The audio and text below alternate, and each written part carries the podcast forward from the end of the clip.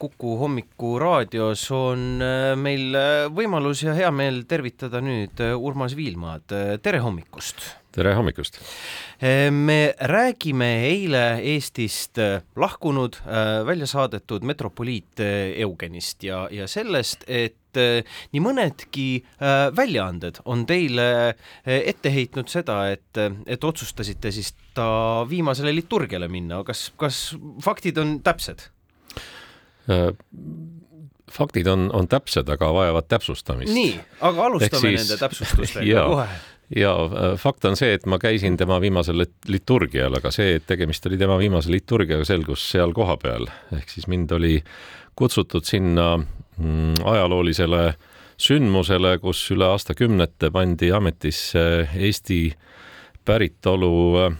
piiskop ja võiks siis öelda esimene piiskop, ehk siis mind oli kutsutud piiskopi ametisse pühitsemisele ja kuna ma olen Eesti Kirikute Nõukogu president äh, ja sinna nõukogusse kuulub kümme äh, Eestis tegutsevat äh, suuremat kristlikku kirikut, kaasa arvatud Moskva patriarhaadi Eesti õigeusu kirik, siis ma osalesin sellel piiskopi ametipühitsemisel, aga seal liturgial selgus, et tegemist on ühtlasi äh, Äh, metropoliit Jevgeni viimase äh, siis liturgiaga ja, ja nii et fakt, et ma seal osalesin, on, on iseenesest korrektne, aga vajas pisut selgitamist. ma kaks aastat äh, väga pingsalt seda sõda jälgides pean siiski küsima, et miks üleüldse on Eesti Kirikute Nõukogul äh, Moskva patriarhaadiga mingisugused suhted? see on ju kirik, mis pühitseb sisse rakette, droone, Vene sõdureid, nende AK-sid ja, ja, ja kuulideni välja, see on ju täiesti mõistusevastane, mida nad teevad jaa, täiesti nõus sellega, et, et kõik see, mida, mida Vene Õigeusu Kirik teeb või mis, mida meile kuvatakse, see on, see on lihtsalt õudne, õudne ja, ja see väärib ainult hukkamõistmist, samas me peame vaatama, et see, mis toimub üle idapiiri ja see, mida teeb Vene õigeusu kirik eesotsas patriarh Kirilliga, ei ole automaatselt ülekantav siis Eesti, Eestis tegutseva Moskva patriarhaadi õigeusu kirikule ja miks on tegemist siis kirikuga, kes on Eesti Kirikute Nõukogu liikmeskirik, tegemist on sellesama Eesti Kirikute Nõukogu asutajaliikmega lausa aastal tuhat üheksasada kaheksakümmend üheksa. Ehk siis Moskva Patriarhaadi Eesti Õigeusu Kirik või tookord siis Vene Õigeusu Kirik oli üks selle, selle äh, nõukogu asutajatest ja nad on olnud kogu aeg selle liikmed. ja mm, mis ei paista ju avalikkuses välja, on see, et me tegelikult kogu aeg suhtleme siseministeeriumiga, ehk siis usu küsimused kuulu-, kuuluvad siseministeeriumi haldusalasse ja me oleme korduvalt ja korduvalt äh, ka öelnud, et, et niipea, kui me saame Eesti julgeolekuorganitelt või, või Eesti valitsuse poolt või siseministri poolt sõnumi, et me kuidagi tegutseme väljaspool Eesti õigusruumi või, või kuidagi õigustame midagi, siis, siis antagu meile märku. siiamaani oleme me pigem avalikkuses ju kuulnud, ka kui varem on, on tekkinud need küsimused üles, kus julgeolekuorganite esindajad või, või PPA esindajad või siseminister ise ütleb, et ei, meil ei ole otseselt mitte midagi ette heita sellele kirikule ja, ja ka praegu, kui me räägime mm, metropoliit Jevgeni väljasaatmisest, on seda korduvalt rõhutatud, sellele kirikule etteheiteid ei tehta. Ja küsimus on olnud siis konkreetses isikus, nii et see on ka võib-olla vastus, miks me endiselt äh, oleme koos äh, Moskva Patriarhaadi Eesti Õigeusu Kirikuga ühise laua taga, tegemist ei ole Eestis kuritegeliku organisatsiooniga ja seda ei ole mitte keegi äh, nõnda väljendanud kui palju teil suhtlust äh, metropoliit Jevgeniga üldse omavahel äh, nüüd siis viimastel päevadel olnud on või oli? Äh, ütleme nii, et metropoliit on ju vene keelt kõnelev inimene ja selles mõttes mina ei ole väga aktiivne vene keelt kõneleja ja, ja suhtlemine on alati olnud läbi, läbi tõlgi ja ametialastes asjus nüüd enne tema väljasaatmist äh, oli meil kohtumine ja on olnud ka varasematel aegadel, kui on olnud avalikkuses küsimused äh, tema, tema tegevuses või, või tema tegemata jätmistes enamasti ette heidetud seda, et ta ei ole piisavalt ju reageerinud sellele, mida, mida patriarh Kirill Moskvas teeb, siis, siis me oleme ikka kohtunud, aga see on olnud puhas selline ametialane kohtumine, mis puudutab seda, et mina olen selle organisatsiooni ehk Eesti Kirikute Nõukogu president ja, ja tema on ühe liikmeskiriku esindaja. Neile, kes ei tea võib-olla täpsemalt, ähm, siis mis on siis see seis praegu äh, Moskva Patriarhaadi Eesti Õigeusu Kirikul, et, äh, et kas ma saan aru õigesti, et neil on juba siis uus peapiiskop valitud või, või kuidas see nüüd täpsemalt seal edasi läheb? Äh, päris nii see ei ole, nii palju kui mina aru sain ja kuulsin ka seda, sellel samal pühapäevase liturgia lõpukõnes ja, ja hilisemas siis sellises koosviibimise vestluses sain ma aru, et metropoliit lahkub Eestist, on seda juba siis teinud, nagu, nagu meile avalikkuses on teada antud ja ta jääb juhtima justkui kirikut distantsilt, aga et, et see saaks juhtuda niimoodi, et, et kiriku pea ise on, on Eestist ära, peab olema Eestis mingisugune teatud arv piiskoppe, olen mina niimoodi aru saanud siis äh, nende korrast, sest igal kirikul on oma kord. ja, ja sellel põhjusel pandi siis ka ametisse lisaks kahele piiskopile, kes, kes juba olid Eestis olemas, veel kolmas piiskop, kelleks on siis piiskop äh, Daniel Lepisk, kes tegutses ülempreestrina Tartus ja jääb ka Tartusse ja teda nimetatakse ka Tartu piiskopiks, pluss ühtlasi Tallinna piiskopkonna vikaarpiiskopiks, ehk siis äh, see vikaarpiiskopi roll on nüüd tegelikult olla metropoliidi ehk siis äh, võiks siis öelda peapiiskopi, äh, olla metropoliidi siis äh, käepikendus siin kohapeal. kas ähm, teie kolleegid Moskva Patriarhaadi Eesti Õigeusu Kirikust on teiega selles mõttes rääkinud, öelnud teile nii-öelda mitteavalikult või, või tee ja kohvi joomisel, et teate, see, mis Venemaal toimub, see on tülgastav ja ma oma hinges mõistan selle täielikult hukka. no tegelikult ma ei ole kuulnud äh, vastupidist, ma ei ole kordagi kuulnud õigustamist sellele, mis Venemaal toimub. aga mitte ka hukkamõistu? Äh, no ikka olen kuulnud hukkamõistu, selles mõttes tegelikult äh, Eesti Kirikute Nõukogu kui sõda eskaleerus kahekümne teisel aastal, siis sai tehtud lühikese aja jooksul veebruarist maikuuni kolm avaldust. kõigi nende avaldustega metropoliit liitus ja, ja olgu öeldud, et need avaldused olid siiski erilised võrreldes varasemate avaldustega, mida kirikute nõukogu üldse on teinud, sest esimest korda me hakkasime alla panema iga kiriku juhi nime. ehk siis me tahtsime just nimelt, et kõik kümme nime, liikmeskiriku nime, esindaja nime oleks all ja metropoliit oli, oli äh, alati kaasas alla kirjutamas ja nendes avaldustes, noh, erinevate sõnastustega, sest need olid erinevas kontekstis tehtud avaldused, ta mõistis hukka sõda. tõsi on see, et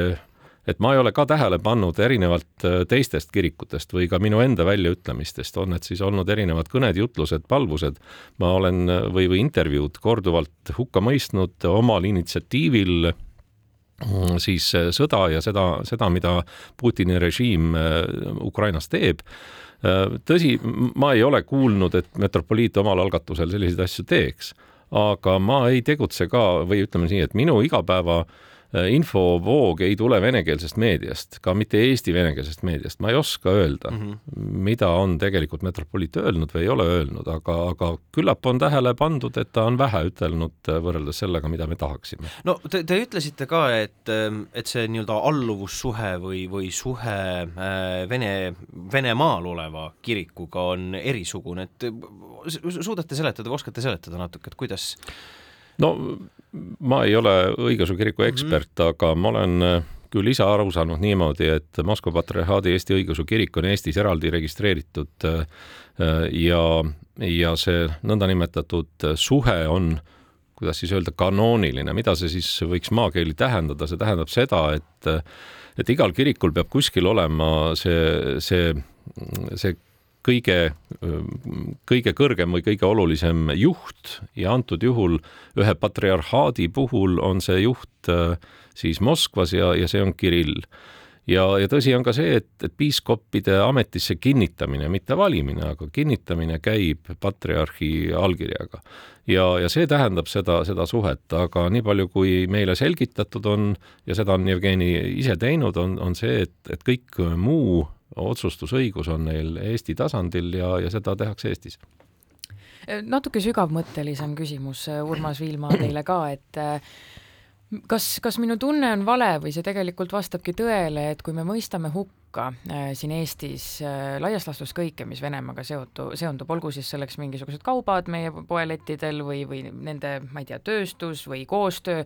siis mulle jääb alati mulje, et vot usumaailmas me absoluutselt mitte mingit hukkamõistu selles vallas ei tee, ma saan aru, et, et eks võib-olla see nii mustvalge ei olegi, aga kas me kardame midagi või, või kas me kardame mingisugust äh, süüdistust tagakiusamisele või, või miks me just näiteks usumaailmas ähm, hoiame ennast väga näpuga näitamast? Äh, ma tegelikult arvan, et me päris palju ka, ka kirikus äh, pöörame nendele asjadele tähelepanu aga te ise olete meediainimesed, te teate, kui palju äh, selline igapäevane usuline tegevus ja, ja väljaütlemised sellist künnist ületavad, et äh, meie,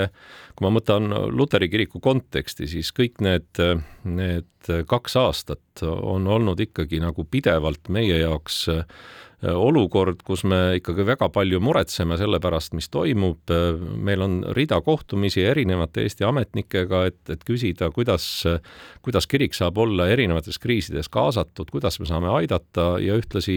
noh, igal pool, kus, kus see kõneks on ja võimalik on, me ka kinnitama, et, et see sõda on, on kohutav, see peab lõppema ja, ja see rahu peab saabuma ukrainlaste tingimustel. et et,